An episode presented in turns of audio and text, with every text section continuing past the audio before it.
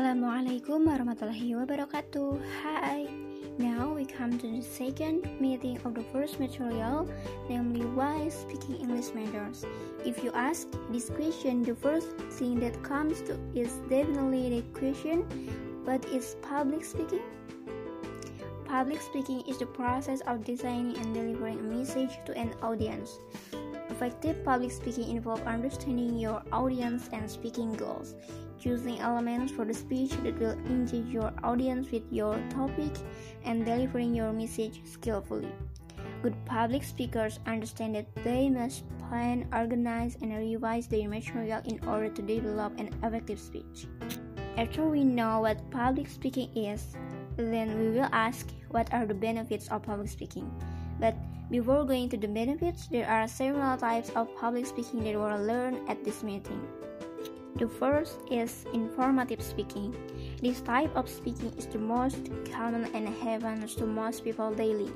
This can be academic or professional knowledge, but can also be to report your progress on a project or tell someone how to use something. The second, persuasive speaking. This can this can be in a debate on formal speech. It can also be minor persuasion, such as going to a place you choose for lunch. Persuasive public speaking is a very valuable skill to have. And the third, entertaining speaking. Public speaking for entertainment is used for award ceremonies, wedding speeches, county sketches, poetry reading, and much more. The purpose of this type of public speaking is to entertain the audience instead of merely informing. Next, we come to the answer to the question why speaking English matters. The answer is public speaking can win over your crowd. With public speaking skills and experience, speakers are able to captivate the interest of their listeners and keep them interested in order to deliver the message. Besides that, can motivate others. Public speakers motivate their listeners to make a change. It could be to stop or start something, try something new, or reach their goals. Then, inform people.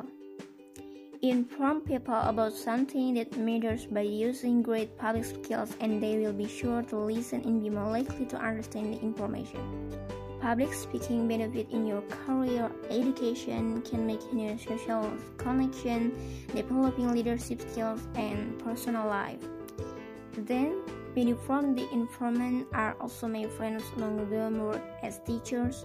Of the three types of public speaking a teacher uses is informative speaking because they convey or inform some knowledge to their students until the students understand what the teacher is saying.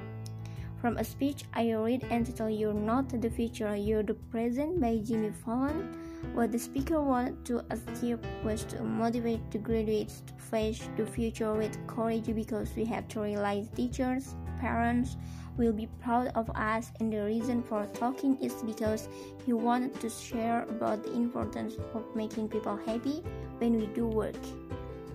At the end of this podcast that I want to convey the benefits I hope from this public speaking class are the courage to speak fluently even in English, how people can understand what I say and are satisfied with the material I provide so that they might answer questions that have been is in their minds.